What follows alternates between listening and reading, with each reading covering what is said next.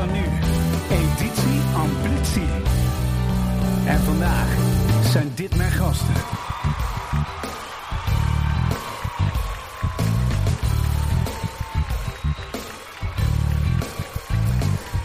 Ja, welkom bij weer een uitzending van uh, Plevier en de inspirerende leiders. En het publiek gaat gewoon door, want uh, ja, dat is speciaal voor jullie. Je moet altijd mensen uh, goed welkom heten.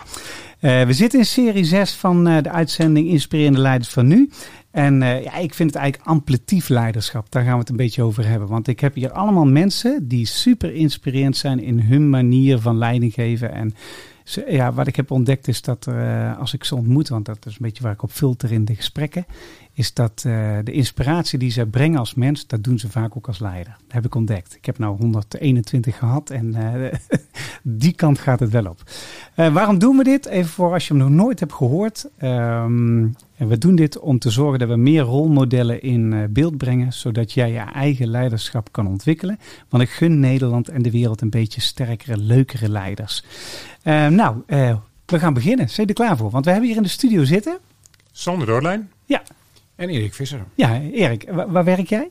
Bij Hamlet Protein. Hamlet Protein. We gaan daar even kijken wat voor bedrijf, et cetera. En waar werk jij? Ik werk bij ABT. ABT, wat was dat voor een bedrijf voor de lijst? Bouwtechnisch adviesbureau. Ja, heel erg leuk. En het zijn exceptionele mensen, want ik ken al een beetje de verhalen van ze. Maar ik ga ze gewoon voorstellen. Aan de hand van hun Guilty Pleasure Music. En uh, Safri Duo, die had ik lang niet meer gehoord. En heel grappig, de Bongo Song. Daar wist ik niet dat daar een subtitel achter zat. Ja, precies, precies. Ik kreeg er gratis bij. Ik kreeg er gratis bij. We gaan gewoon even kijken wat voor song het is. En dan uh, stel je dadelijk even voor aan de hand van die song wie je bent en waarom deze song.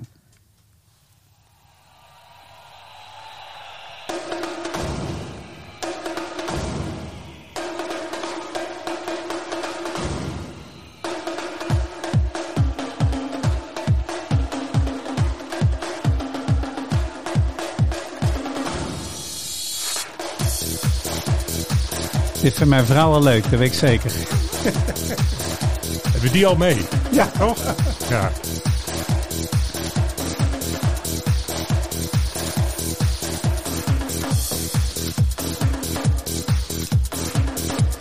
Ja, dat doet gelijk wat, hè? Geeft gelijk beweging, hè? Ja, je hebt, ja. je hebt gelijk beweging gewoon in de tenten. Hey, dit is een beetje zoals Slagerij van Kampen. Ken je die ook? Ja, zeker, Nederland, zeker. op de trommels. Zeker. Hey, hey, stel jezelf eens voor en waarom Safri Duo? Ja, nou ja, laten we daar beginnen. Ja. ja. Want daar, kijk, ik ben uh, um, op mijn... Uh, heel vroeg begonnen ben ik met bezoek maken. Uh, in slagwerkgroepen. En in het begin ging dat bij mij erover om zo hard mogelijk te zijn. Oh ja, zo, hard, hard, mogelijk, slaan. Ja, zo hard mogelijk.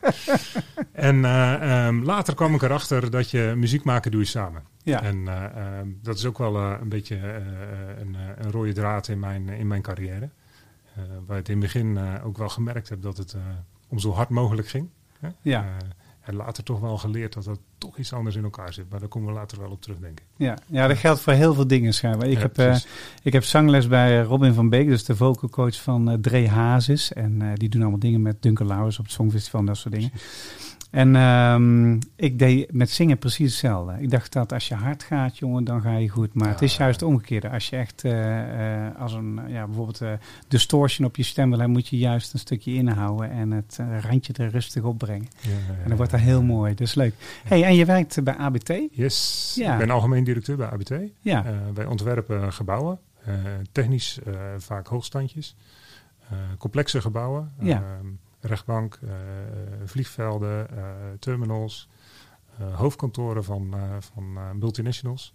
En dat doen we met, met 250 mensen bij ons in het bedrijf en 600 in de groep. Ja. En dan doen we mooie, mooie gebouwen mee. Ja, mooie gebouwen, maar niet alleen mooie gebouwen. Want ik had in de voorgesprek had ik met jou. Uh, is hij al vertrokken eigenlijk? Dat weet ik eigenlijk niet meer. Ja, ja, ja. Ik deed, ik deed, ja, ja, André, André Speksnijder, mijn, ja. mijn ex-collega, dat deden we dat nou, in de directie mee samen. Ja. Overigens ook met, uh, met Ilja, uh, Ilja Werkhoven. Ja.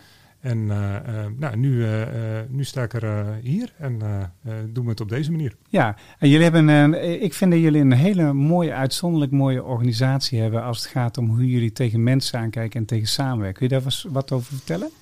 Nou, ja, daar kan zeker een hele verhaal over hebben. Um, maar uiteindelijk wat wij doen is teamwork. En dat betekent dat mensen um, op hun ja, het beste uit zichzelf moeten halen. En dat doen zij in, in multidisciplinaire teams met elkaar samen.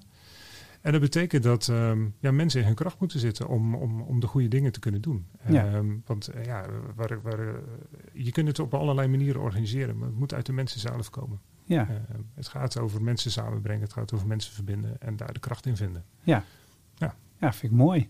Hey, we hebben nog iemand hier zitten. Hartstikke leuk dat je er bent. We hadden al een paar keer contact gehad. Hè? Dus uh, superleuk. En jij hebt ook een Guilty Pleasure song aangeleverd. En dat is Islands in the Stream van Dolly Parton en Kenny Rogers. En dan ben ik heel benieuwd van waar die song. Dus we, gaan even luisteren wat voor song het is. En uh, voor het geval je hem bent vergeten, dit is hij.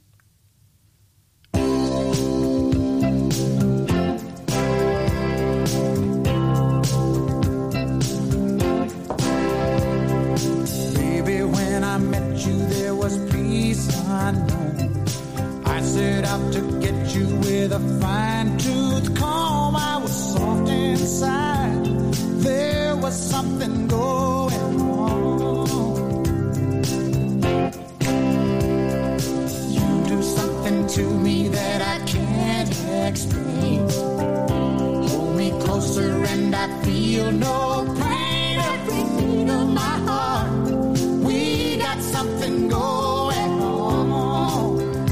En zo, zo simpel kan het leven zijn, hè? moet de neiging onderdrukken om mee te zingen. Ja, nou je mag hoor, je mag. We hebben, hebben al, uh, dit, ook dat hebben we al meegemaakt hier. De mensen gingen meezingen. Dat kan het. Hey, superleuk. Kenny Rogers en Dolly Parton. Hè?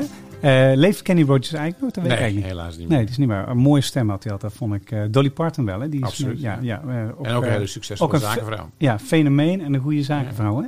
Hey, vertel waarom dit nummer en stel jezelf eens voor. Wie ben je en wat doe je? Ja. laten we met het nummer beginnen. Eh, in de, tijd dat ik eh, opgroeide had je cassettebandjes. En in de donkerbruine Volkswagen Jette van mijn ouders lag één cassettebandje. En dat was The Greatest Hits van Kenny Rogers. Geweldig. En daar luisteren we altijd naar. Dus die nummers ken ik uh, helemaal uit mijn hoofd. En die komen op feesten en partijen wel eens voorbij. En zeker ook omdat ik een paar jaar geleden bij een goede vriend erachter kwam... dat Kenny Rogers ook zijn guilty pleasure is. Dus, Superleuk. Ja. Ja, het is leuk. Het is natuurlijk heel andere soort muziek. Kijk, de notie van guilty pleasure is ook je verplaatsen in, eh, in andere werelden, in andere mensen. Niet alleen maar mainstream. Dus ik kon wel een hele podcast vullen met guilty pleasures.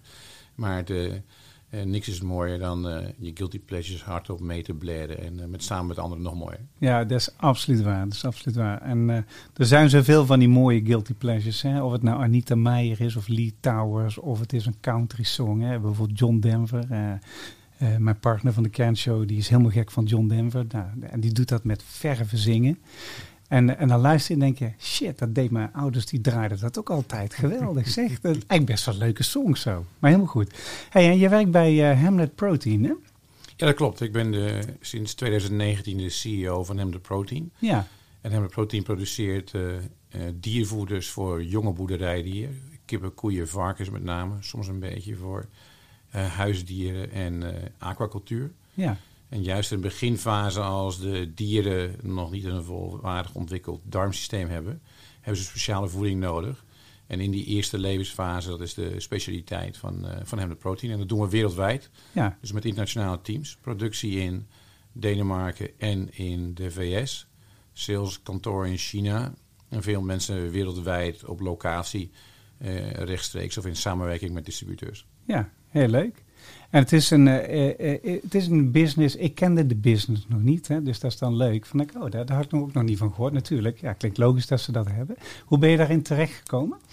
Ik ben mijn carrière begonnen in Latijns-Amerika. Daar heb ik twaalf jaar gewoond en gewerkt. In veel verschillende landen gewoond. En op een gegeven moment vond mijn vrouw dat het tijd was om terug naar huis te gaan. Ja. Voor mij was Latijns-Amerika inmiddels wel thuis. Maar er waren wat andere meningen over binnen het gezin. Ja. Ehm, en toen ben ik gaan uh, rondkijken in Nederland. En eigenlijk is dit op mijn pad gekomen, uh, een beetje mijn uh, gut feel gevolgd. En ingestapt bij een onderneming in Nederland. En daarvan uit gerecruiteerd voor een CEO-positie in België. Dat bedrijf verkocht aan een Franse onderneming. En nu dus in, in Denemarken. Ja, leuk. Leuk. Nou, eh, super interessant. We gaan eens ontdekken wie jullie zijn. Want tegen, waar we natuurlijk naar op zoek zijn, we zijn op zoek naar van, wat maakt jullie leiders, hoe kijken jullie tegen leiders aan en hoe doen jullie dat precies? En uh, laten we gewoon naar de eerste werkgroep gaan. Spin the Box. Het leuke spel waarbij we inkijk krijgen op de leiders van deze tijd.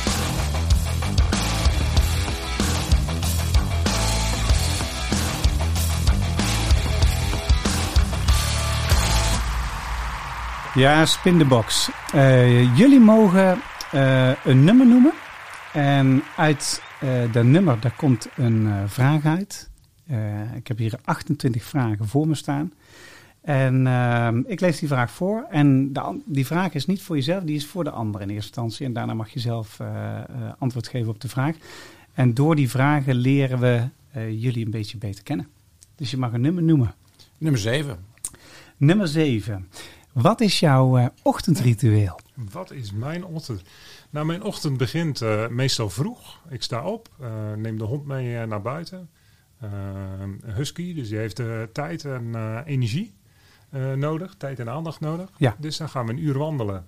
En dan daarna ontbijten we met het gezin en vertrek ik naar mijn werk. Hey, Leuk. Ja. Met een husky. Ja, met een husky, ja. Dat zijn die, uh, oh, uh, die, die uh, sleehonden met die blauwe ogen zijn Exact, die beesten met veel te veel energie. Oh, veel te veel energie. dat is ook interessant.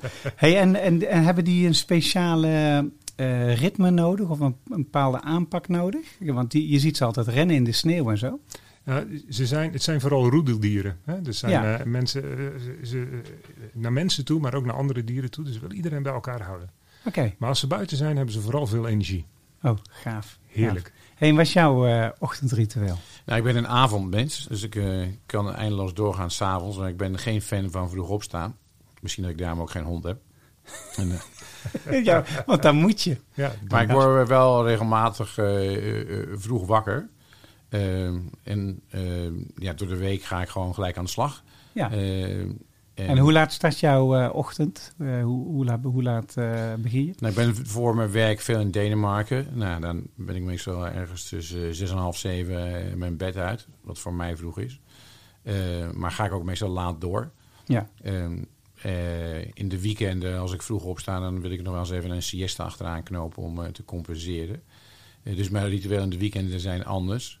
Maar ehm, ik heb heel veel energie, dus ik sta gelijk aan. En dat is niet met iedereen het gezin eh, het geval. Dus ik moet daar een beetje rekening mee houden. Ja.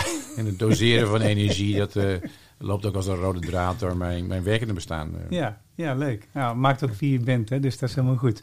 Alright. Hey, en mag ik een cijfer noemen? Tussen 1 en 28. 24. 24, eens even kijken. Hoe ervaren de mensen om je heen jou als leider? Oeh, dat is direct een goede vraag. Ja. Um, ik denk dat de mensen uh, mij ervaren als iemand die, uh, die uh, um, wel veranderd is in de laatste jaren, maar de laatste tijd ook in staat is om te luisteren. En ik denk dat dat een belangrijke eigenschap is voor een leider. Ja. Luisteren naar wat er gebeurt, horen hoe, het, hoe het met mensen gaat en daarmee de verbinding maken. Want dat is wel wat ik echt ben, een verbinder. Ja. Dingen met elkaar verbinden. Wat, wat gebeurt er? Wat zien we? Hoe kunnen we die verbinding met elkaar maken? Hoe kunnen we daar business van maken. Hoe kunnen we met elkaar daar stappen in maken, ook in de organisatie. Ja. Uh, maar vanuit het luisteren naar, uh, naar collega's. Ja, en het is een, uh, lijkt een simpele, hè, want als je trainingen bekijkt, dan wordt, wordt daar best wel snel overheen gestapt. Maar het is een van de moeilijkste vaardigheden. Hè. Dus ze hebben zo wel zo'n credo, dus ze zeggen van, nou, als je luistert wil niet zeggen, ik heb je echt gehoord. Ik heb je echt gehoord wil niet zeggen, ik heb je begrepen. Ik heb je begrepen wil niet zeggen, ik ga er ook echt iets mee doen. Ik ga er iets echt mee doen wil niet zeggen dat je ook echt tot resultaat komt, et cetera. Dus even zo'n riedeltje wat erachter komt. Nou, er zit, en er zit een stap achteraan. Hè. De, ook de tijd nemen om er ook iets mee te doen. Ja. Want uiteindelijk, uh, um, ook dat leer je, uh, is dat we heel snel willen gaan rennen. Ja. Uh, maar laten we nou eens eerst even rustig met elkaar zitten. En dan vervolgens daaruit de route bepalen, te samen. Ja, dat is absoluut ja. waar. Ze hadden in, uh, in COVID-tijd, in 2020, hadden ze een onderzoek gedaan naar leadership. En dat was natuurlijk omdat die pandemie, nou zo'n pandemie hadden we nog niet eerder meegemaakt. Uh, dus uh, leiders die we moesten echt zoeken van hey, hoe gaan we dit organiseren en crisismanagement toepassen en op afstand mensen begeleiden, et cetera.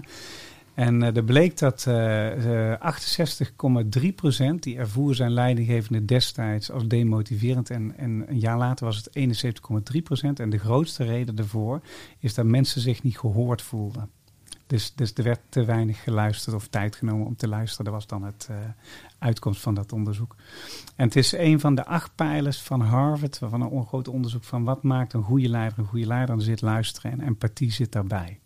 Weet je, dus dat, dat is absoluut wel belangrijk. Hey, en bij jou, hoe uh, ervaren de mensen om jou heen jou als leider? Ja, ik geloof altijd heel erg als je uh, een goede teamcohesie uh, weet te creëren. En mensen graag samen willen werken.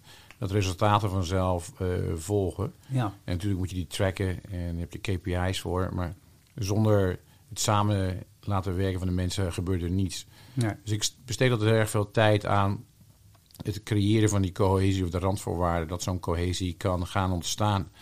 En ik maak dat ook altijd persoonlijk. Dus ik vind het heel erg belangrijk. In mijn eh, MT eh, nu in Denemarken heb ik gezegd... als je niet iets van jezelf meebrengt naar het MT... dan moet je niet in het MT gaan zitten. Ik wil weten eh, hoe, hoe, hoe, je, hoe je in elkaar zit... als je ergens zorgen over maakt, als er iets speelt, deel dat met je teamgenoten. Je moet een stapje verder gaan, omdat we samen ook door moeilijke periodes zullen moeten heen gaan. Dat gebeurt onvermijdelijk een keer. Ja. En dan moet je voor elkaar uh, iets willen opofferen. Je wil iets harder lopen. Je wil uh, samen vieren, maar ook samen pijn lijden. Ja. En uh, ja, dus je vroeg hoe ervaren mensen dat. ik heb nog appgroepjes met mijn laatste bedrijf. Ik bel nog regelmatig mensen van mijn eerste baan in Guatemala, in Venezuela. Met, met mensen van mijn vorige team, zo weer twee bedrijven terug. Die bellen me nog op als ze van baan willen veranderen. Als ze ergens solliciteren. Als ze problemen hebben op hun werk. En dat gaat veel meer vanuit die menselijke verbinding. En dan praten we niet over hoeveel omzet, hoeveel marge.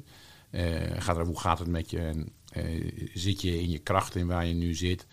En, en, en, en binnen je eigen team, hoe zorg je dat iedereen in zijn kracht komt? Maar daar moet je wel voor investeren. Dan moet je willen delen de zaken die niet alleen maar over het werk gaan. Ja.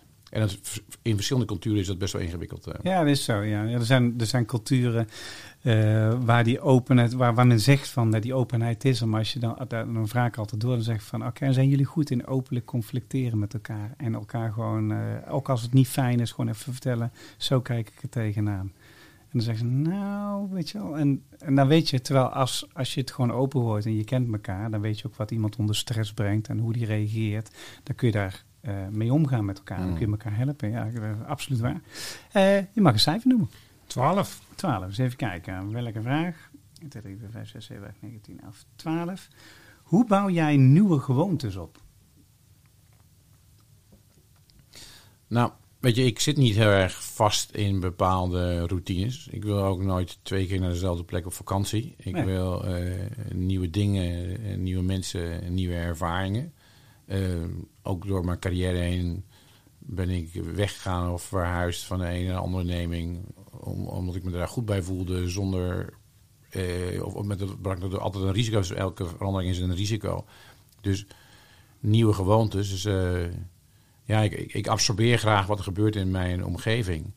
En ik pas me heel erg snel aan. En je hebt natuurlijk wel een vaste manier waarop je zelf als mens in elkaar zit. En waar je bepaalde zaken doet. Je moet een bepaalde mate van voorspelbaarheid hebben voor de mensen om je heen. Maar ik heb mijn hele leven. Ik heb in mijn hele leven ik twee jaar in Nederland gewerkt. Voor de rest altijd in andere landen, in andere culturen, in andere samenstellingen, in andere teams. Dus ja, dan leer je heel snel uh, aanpassen. Je leert flexibel te zijn. En dat past ook bij mijn, uh, bij mijn karakter. En dat houdt het ook leuk. Ja. Ik zou niet graag uh, eindeloos lang alleen maar hetzelfde willen doen. Dus ik wil dingen in gang zetten. En als ze in gang zitten, dan op een gegeven moment denk ik van ja, misschien is het wel eens tijd voor iets anders. Ja, mooi, mooi. Ja, ja, ja. En het past inderdaad bij, als, als je daar in je natuurlijke temperament op gedijt, dan is dat natuurlijk een heel prettige manier van, uh, van omgaan natuurlijk. Ja. En hoe, uh, hoe doe jij dat? Nou ja, een beetje hetzelfde. Ik, ik ben ook niet zo heel goed in routines. Uh, nee. En in, in, in standaard zaken doen. Ik ben altijd op zoek naar, naar, nieuwe, naar nieuwe ideeën en naar nieuwe ingevingen. En dat maakt routines, ja, dat, dat past niet zo bij mij. Dus ik herken dat wel. Ja. En ook nooit op dezelfde plek op vakantie. Altijd op zoek naar wat nieuws. Het hoeft niet heel ver weg te zijn, maar mag ook dichtbij zijn. Maar gewoon altijd ja, die vernieuwing willen hebben. Ja. Ja, in, mijn, in het begin van mijn carrière, toen ik in Latijns-Amerika woonde, waren de standplaatsen tussen de twee en vier jaar. Dus je moest ook gas geven, wil je impact maken. Hè? Ja. En, uh, en, je volgende stap weer verdienen. Dus je, gaat, je, je, je, gaat gelijk aan de slag.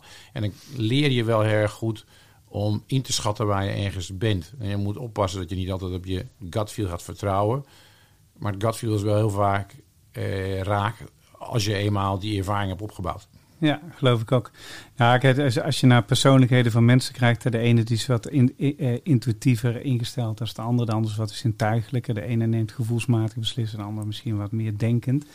Maar voor iedereen is het goed om af en toe eens even over te steken naar de ander om zijn denkbeeld een beetje compleet te maken. Dus uh, dat, dat, is, dat is sowieso spannend. Ik heb een vrouw die heel erg op veiligheid gaat, die is corporate recruiter. En die is mooi geswitcht, heeft een mooie baan.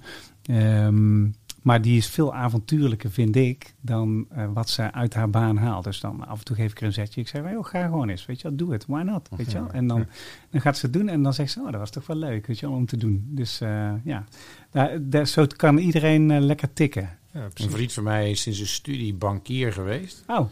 maar was daar nooit gelukkig, van, eigenlijk nee. vanaf het begin. En die is net nu op 50-plus leeftijd uh, begonnen aan de leraaropleiding, wat hij eigenlijk altijd al wilde doen. Maar geestig. Sommige mensen hebben heel lang de tijd voor nodig. Dus ik heb hem enorm gefeliciteerd dat hij uiteindelijk die stap durfde te maken.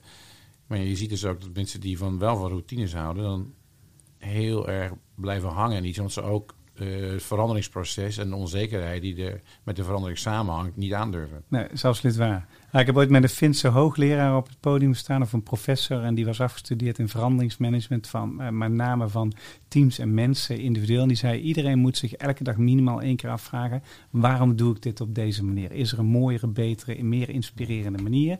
En dan gewoon af en toe je routine aanpassen, want dan houd je zelf als mens lekker fris en fruitig. Dat ik van, nou, Absoluut. Dat is echt wel een goede insteek, weet je. Met name als je het vanuit die positieve kant bekijkt, zeg maar. Exact. Ja. Hé, hey, welke cijfer noemen? Ah, uh, één. Eén. Dus even kijken, welke staat daar? Wat is de belangrijkste les die je hebt geleerd van een mentor? Van een mentor? Nou, of een coach of een vriend? Of nou, dat was voor mij, eh, dat zat al in het nummer eh, wat ik net al uh, benoemde.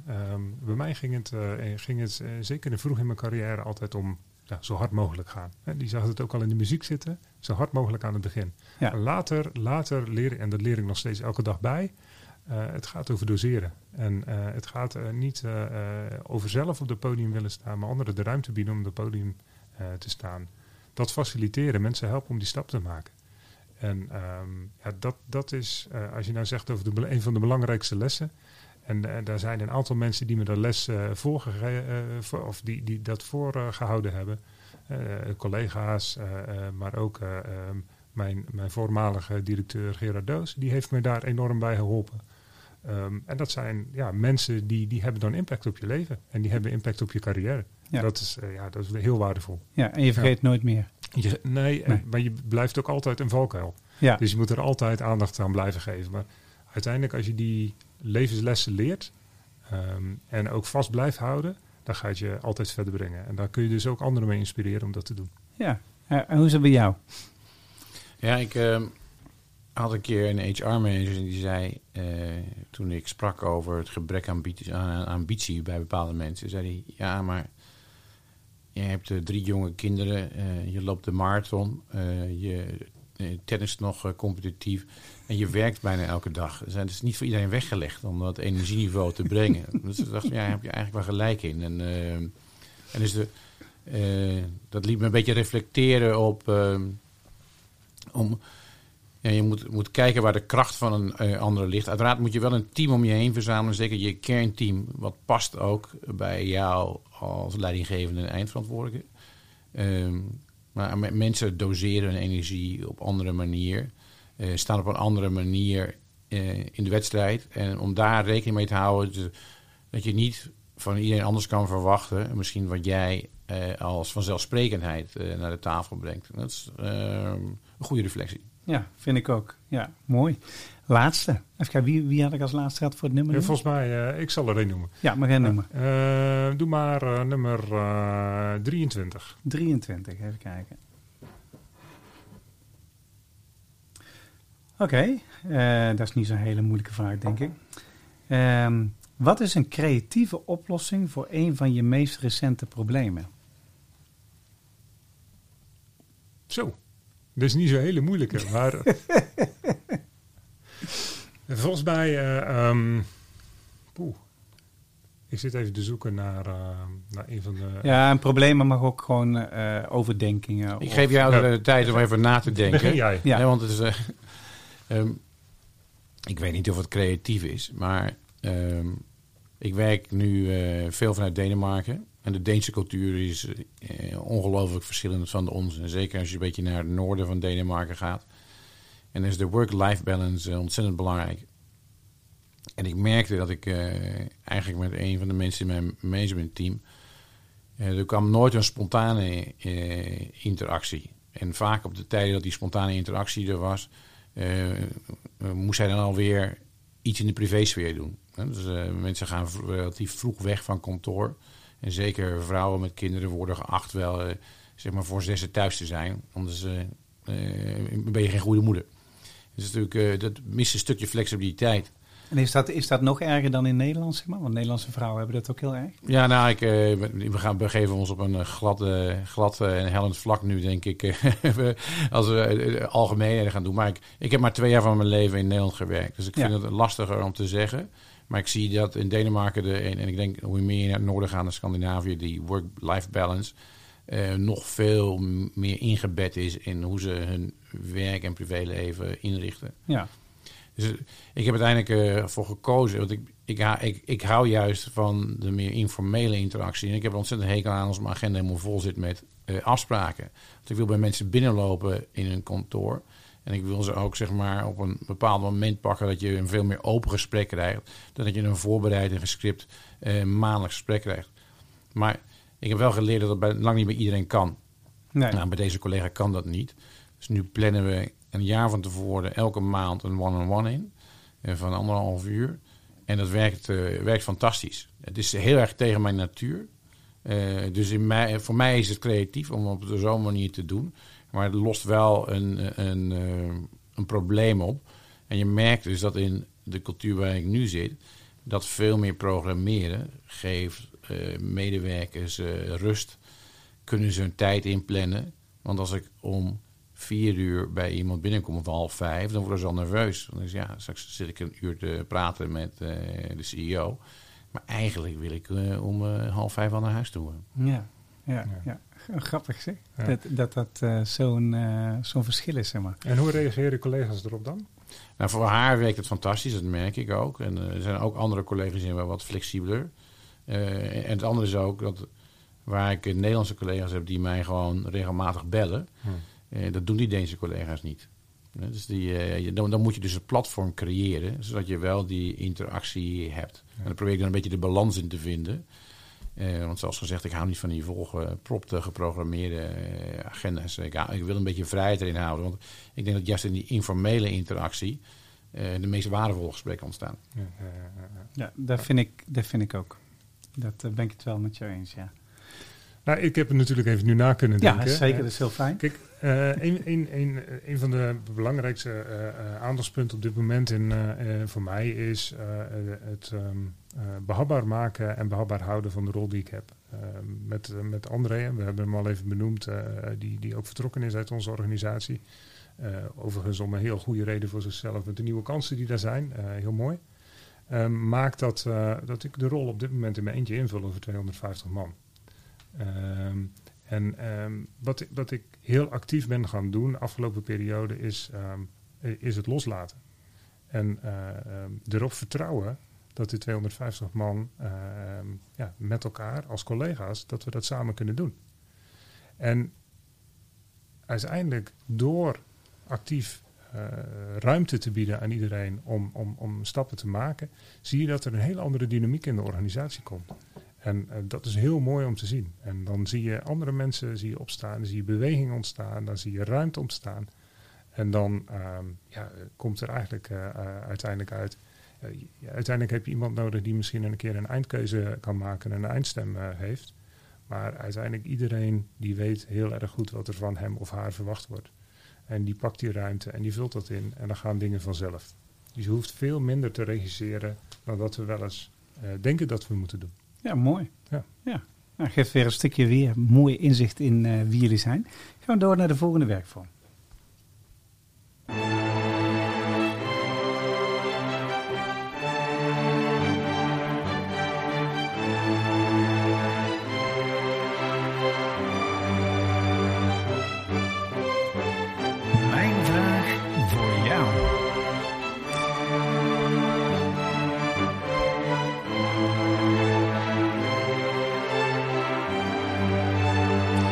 Mijn vraag voor jou. Welke vraag heb je voor de andere leider waar je benieuwd naar bent of die een verrijking, lering kan opleveren voor jezelf, eh, misschien je organisatie, je team of voor de luisteraar?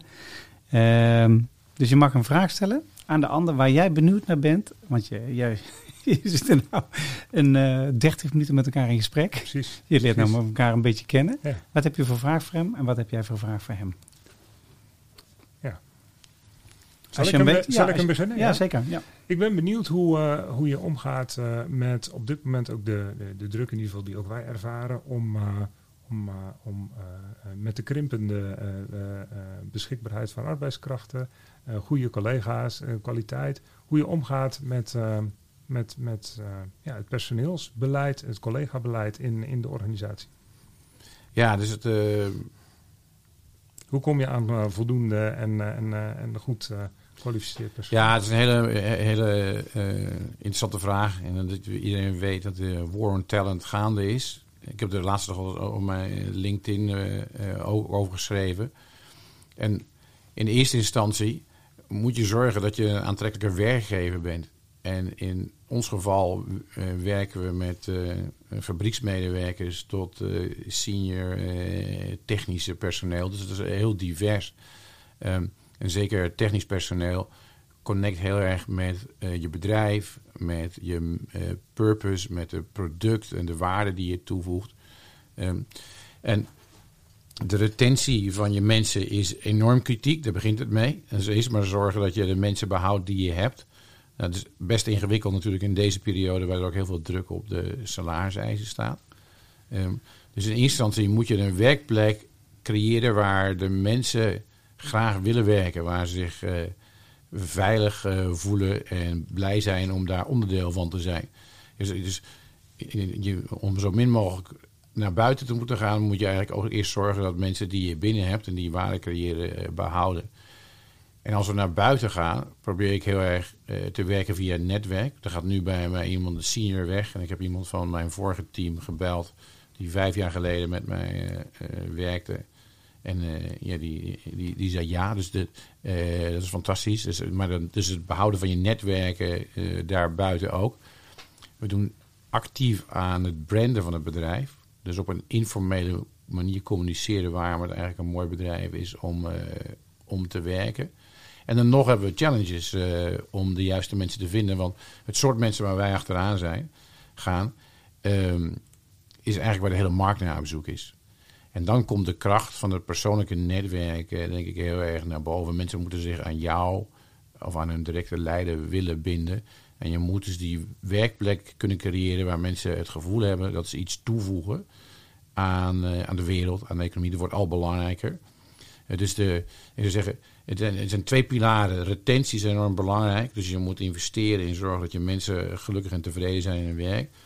En voor de recruitment van de posities die dan openvallen, dan heb ik het idee dat het netwerk al belangrijker wordt. Er gaat heel veel geld zitten in het vinden en zoeken van mensen. Ja. En als je dan een mismatch hebt, kost het je als bedrijf enorm veel geld. Dus ik blijf dus het schijnt ook dat uh, 37% in Nederland althans, 37% van de mensen is binnen een week alweer weg van de, de, de omgeving waar ze gesolliciteerd hebben, omdat de match niet klopte. Ja, dus, dus uh, uh, in het recruiten moet je heel erg duidelijk aangeven wat het is voor bedrijven waar ze terechtkomen. Dus ik geef altijd aan mensen, als ik ze rechtstreeks spreek, minstens zoveel de tijd om mij vragen te stellen. Dan zeg ik, ja, jij interviewt mij net zo hard als ik jou interview. Want er moet een match zijn. Anders, ja, die percentages die jij net noemde, die zijn natuurlijk ongekend. En het komt met een hoge kost. Ja. Dus retentie begint bij recruitment. En bij recruitment moet je zorgen dat je de juiste eh, en heel open en eerlijk vertelt. Ik heb ook wel mensen recruit uh, terwijl het heel slecht ging met het bedrijf. Maar als je er eerlijk over bent en zegt wat de uitdaging is van de onderneming waar ze binnenkomen. Uh, en ze voelen, hebben er een aantrekkingskracht gezien om daarbij te dragen om dat te veranderen. Ja, dan kun je, kun je met elkaar verder. Dat is mooi, ja. Ja, heel mooi. Dankjewel. En jij? Ja, ik was eigenlijk nou meer. Ik was benieuwd naar jouw persoonlijke reis. Want jij vertelde dat je eigenlijk dus nu van een. Uh, nou ja, ik, weet niet of het voor de leeuw geworpen is, maar je staat er opeens alleen voor, zeg je zojuist. Ik weet niet of dat een pad is dat je zelf hebt gekozen of dat het op je pad is gekomen. En dus als je erop voorbereid was, hoe heb je je erop voorbereid? En nu je er dan middenin zit, uh, hoe, hoe ga je ermee om? Want je gaat met een nieuwe verantwoordelijkheid in een organisatie waar je veel ruimte geeft. Hoe zorg je dat, je, dat jij daar op je plek zit?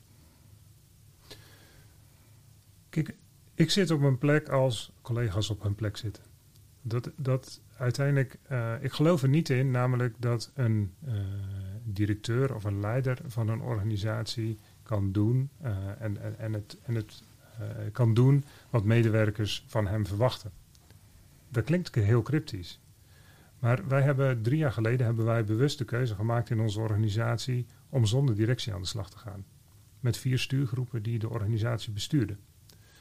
En dat maakte um, dat, dat, uh, dat er een hele andere cultuur in de organisatie ontstond. In het begin was dat heel vervreemdend, want uiteindelijk mensen zijn, um, zijn best gewend aan mensen die beslissingen nemen. Um, maar uiteindelijk uh, op het moment dat ze zelf aan de lat staan om de beslissingen te nemen met elkaar en daarover te spreken met elkaar, in een soort van consensusmodel daarin te komen, ga je hele stappen vooruit maken. Maar we merkten ook wel dat daarmee dat, dat er uh, nog steeds wel een eindbeslisser nodig is om uiteindelijk keuzes te maken, strategie te bepalen en ruimte vooruit te bepalen. En dat vooral te faciliteren met de groep mensen te doen. Um, dus ik heb de afgelopen uh, drie jaar hebben we in dat model gedraaid. Hebben we heel veel van geleerd. Um, en de stap vooruit is nu, ik zit nu in een, we zitten nu in een tussenfase. En we zijn aan het, wel aan het werven dat er een operationeel directeur ook in de organisatie bij komt. En die, uh, dat wij complementair aan elkaar vooruit die stap kunnen maken. En dat maakt dat we op dit moment een stapje extra moeten zetten. Maar maakt vooral dat je ook keuzes moet maken wat je wel en niet doet. En het risico is, is dat je dan heel snel in de operationele zaken komt, valt om, om die te, te organiseren en die besluiten te nemen.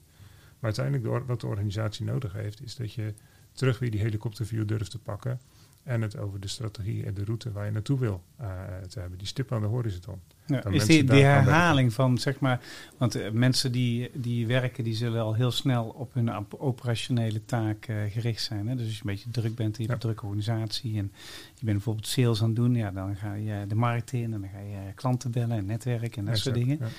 Maar is het belangrijk om met regelmaat, zeg maar, die, die missie of die visie te vertellen, ook om mensen aan boord te houden van wat zijn we ook alweer met elkaar aan het doen allemaal?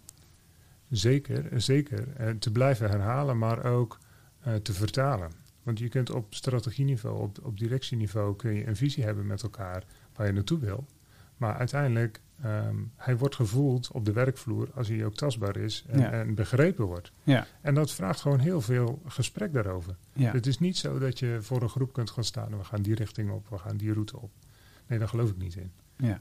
En, en je gaat dat alleen vinden als je de samenwerking erop kan vinden. En nogmaals, die samenwerking die kun je niet organiseren, maar die kun je alleen laten ontstaan.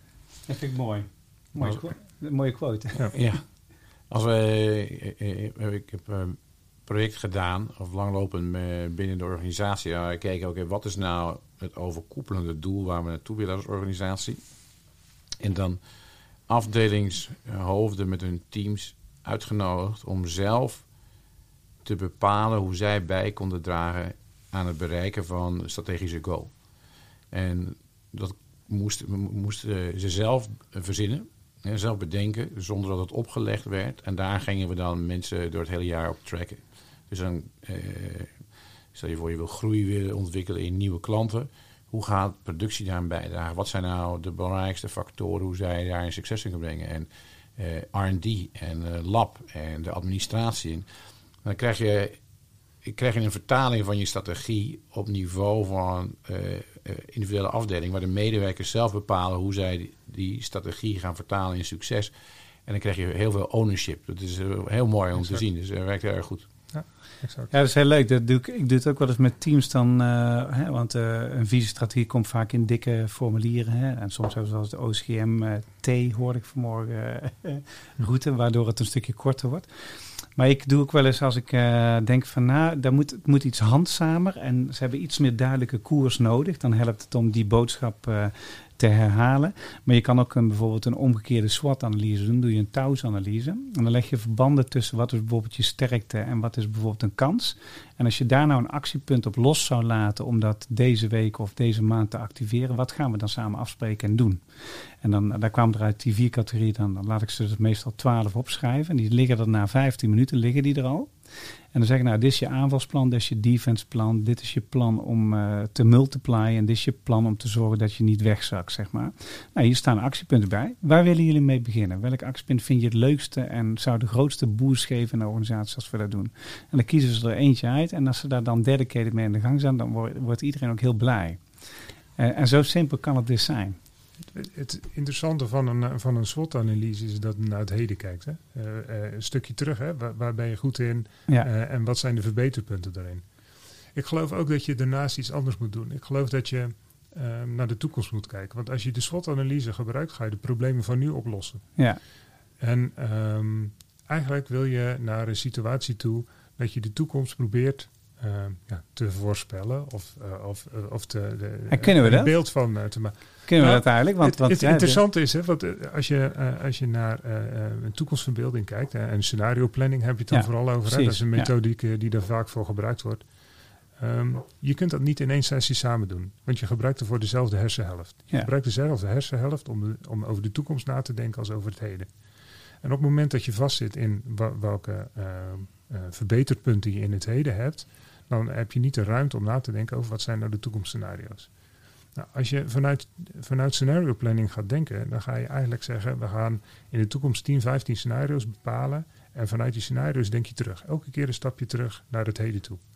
En dan zie je dat je een aantal scenario's naast elkaar kunt leggen waar je uit kan kiezen op het moment dat de, de, de, dat de huidige situatie leidt tot een, tot een, een verandering in je strategieën die je moet, uh, ja. moet hebben.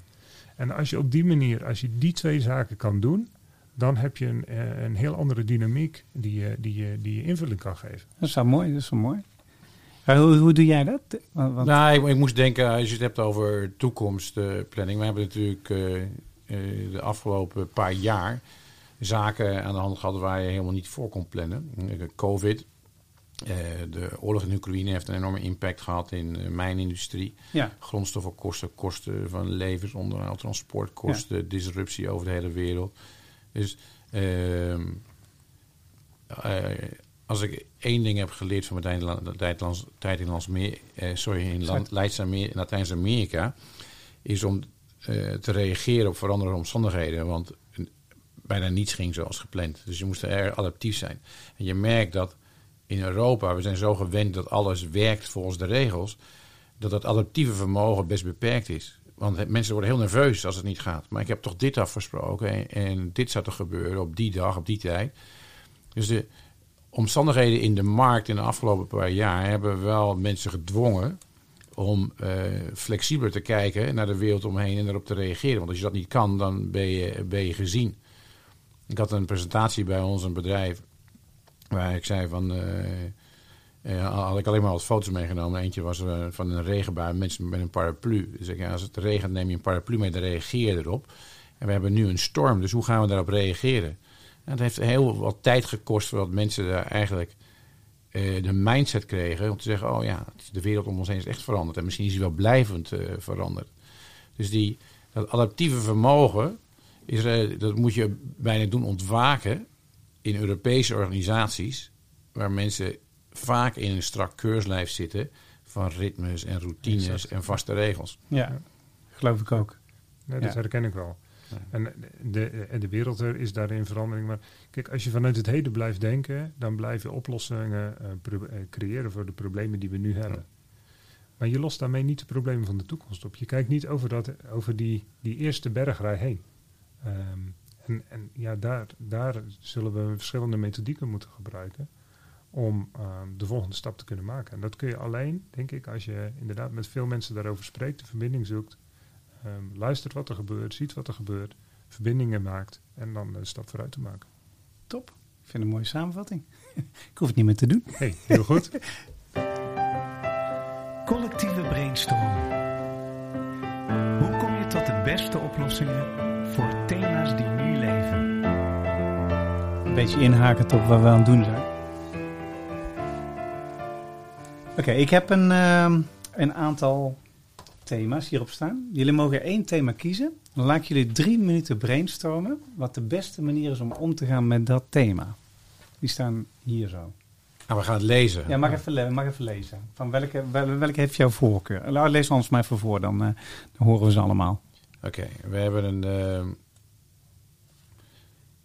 Even kijken wat moet ik dit? Uh, ja, die, dat is een rijtje. Een rijtje ja. Talentgericht leiderschap, een vitale organisatie, tot het beste resultaat samenkomen, focus behouden op wat belangrijk is, een goede balans in feminien en masculien leiderschap, hoe houd je medewerkers bereid, bevlogen en betrokken tot de beste resultaten komen?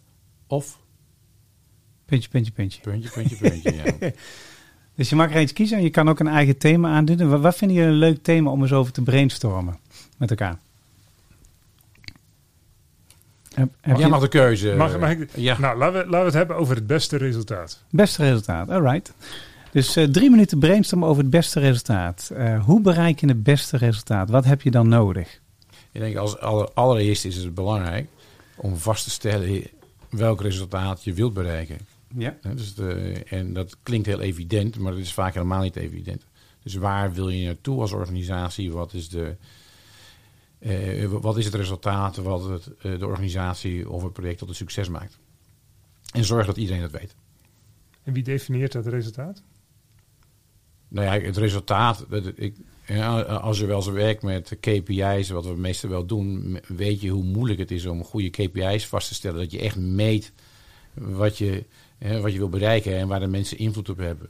Maar kijk, je resultaat, wat mij betreft, komt uit je strategie, je strategiehuis. Of wat je als organisatie wil, wat je naartoe gaat. En dan kan je opknippen in kleinere stukken. Maar als je met elkaar, wie het meeste resultaat mee, dat moet zo open en transparant zijn dat er geen discussie over, eh, over kan bestaan. En uh, wat, is voor, wat is voor jullie het beste resultaat? Is, is, is, dat, eh, is dat een klanttevredenheid? Is dat een, een medewerkerstevredenheid? Is dat een, een financieel resultaat? Hoe... Nou, wat is het bij jou?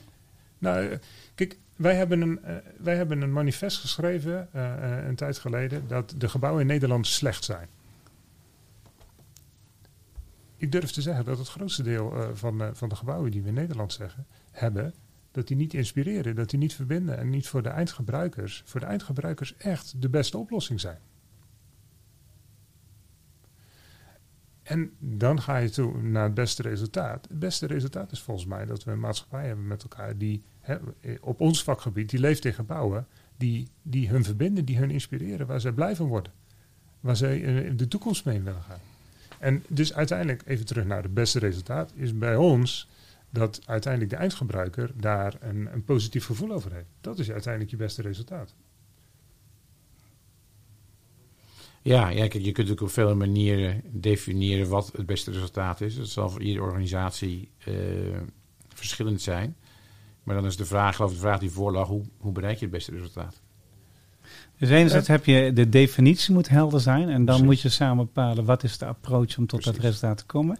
En hoe gaan we het meten. Kijk, ik moet ook even denken aan de podcast van vanmorgen die ik op had genomen met Frank Soede, de CEO van ehm, eh, de, uh, een onderdeel van de Volksbank, uh, de hypotheekafdeling, laat ik het zo zeggen. Die zei wij, ik dacht vroeger altijd dat wij pushen op het leveren van hypotheken. Maar wij zorgen dat iedereen fijn kan wonen.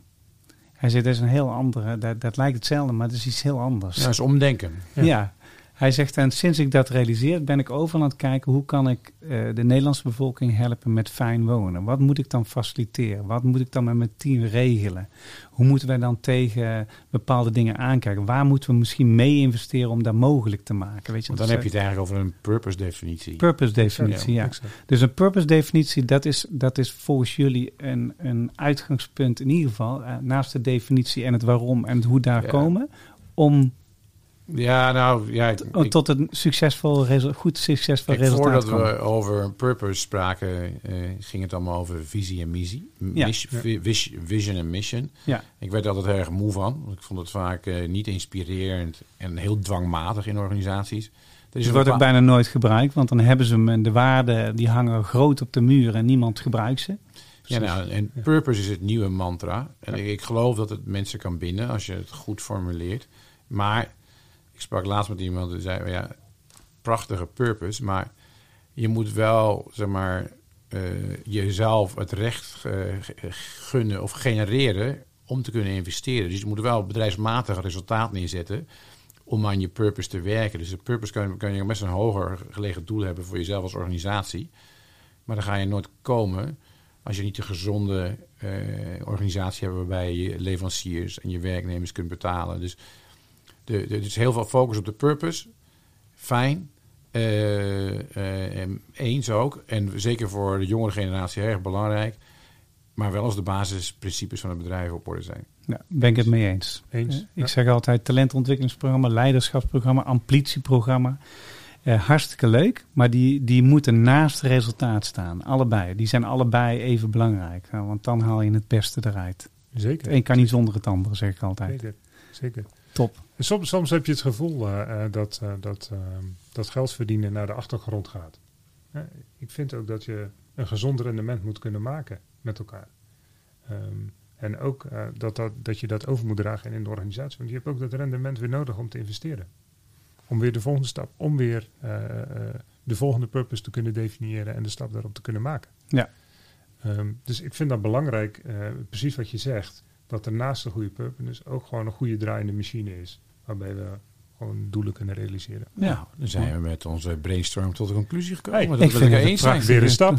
Nou, ze zeggen wel eens, ze hebben ooit onderzocht wat maakt mensen en organisatie en leiders geloofwaardig. En geloofwaardigheid heeft met vertrouwen te maken. Vertrouwen is, heeft vier pijlers in zich. Als je een positieve intentie hebt en die draag je uit, je laat hem zien in gedrag. Dat is ook gelijk wat met KPI's zo moeilijk is. Hè.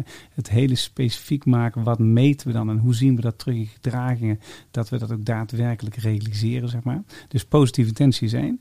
Tweede is, ben je integer in afspraken en integer naar mensen? En de derde is, benut je talenten en kennis en capaciteit op de juiste manier en goed getimed in de juiste context. En dan de laatste, die is uh, proof is in the pudding. Uh, uh, hoe zeg je dat? dat hoe is dat? zeg het ook alweer.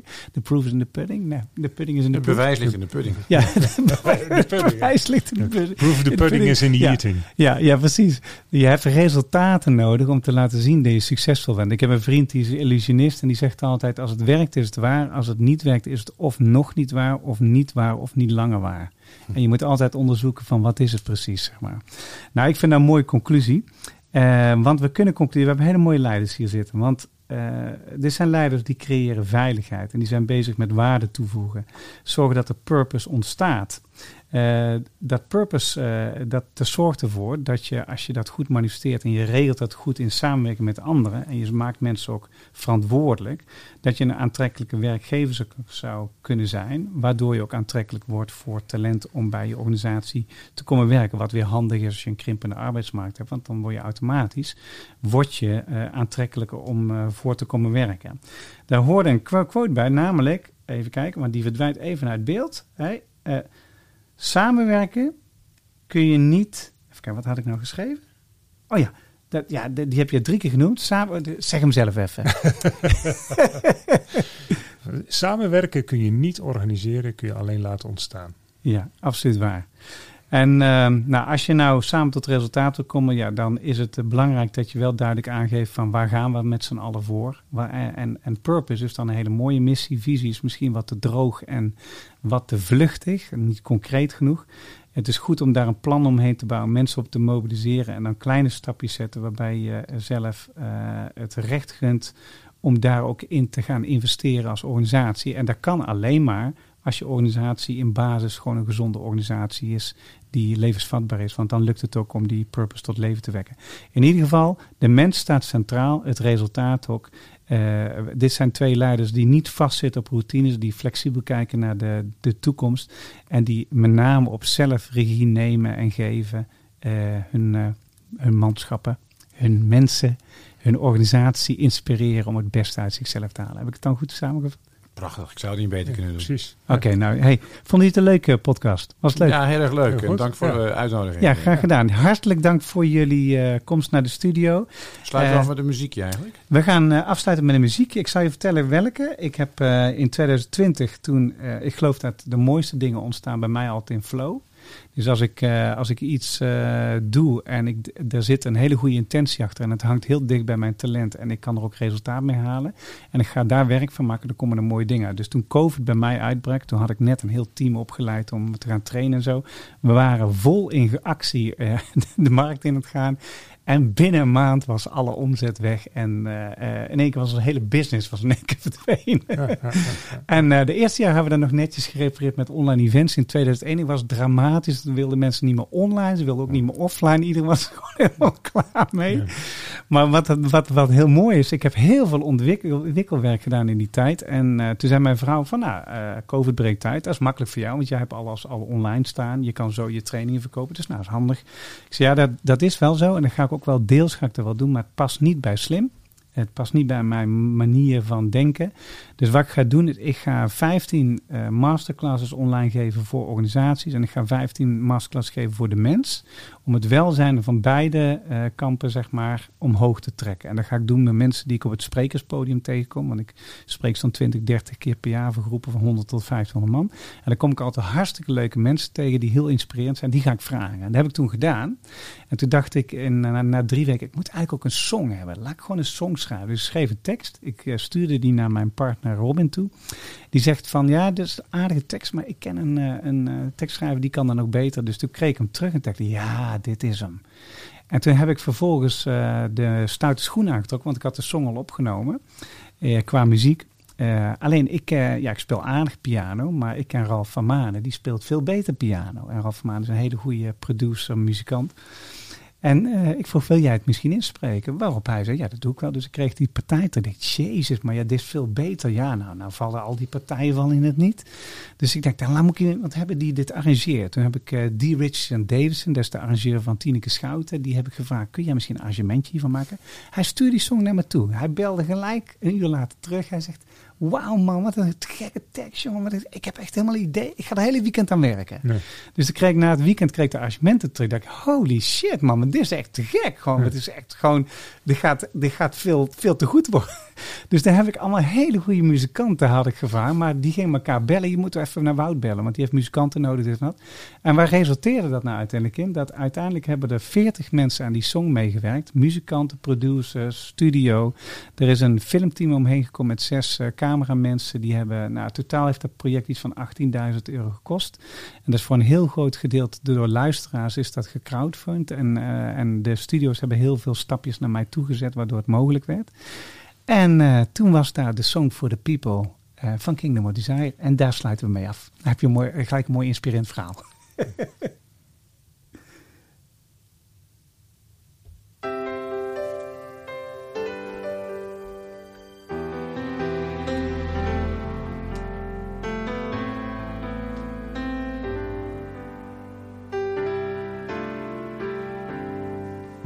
is the song for the people, a message of. Open up your eyes, look to the sky, the sun will shine on us.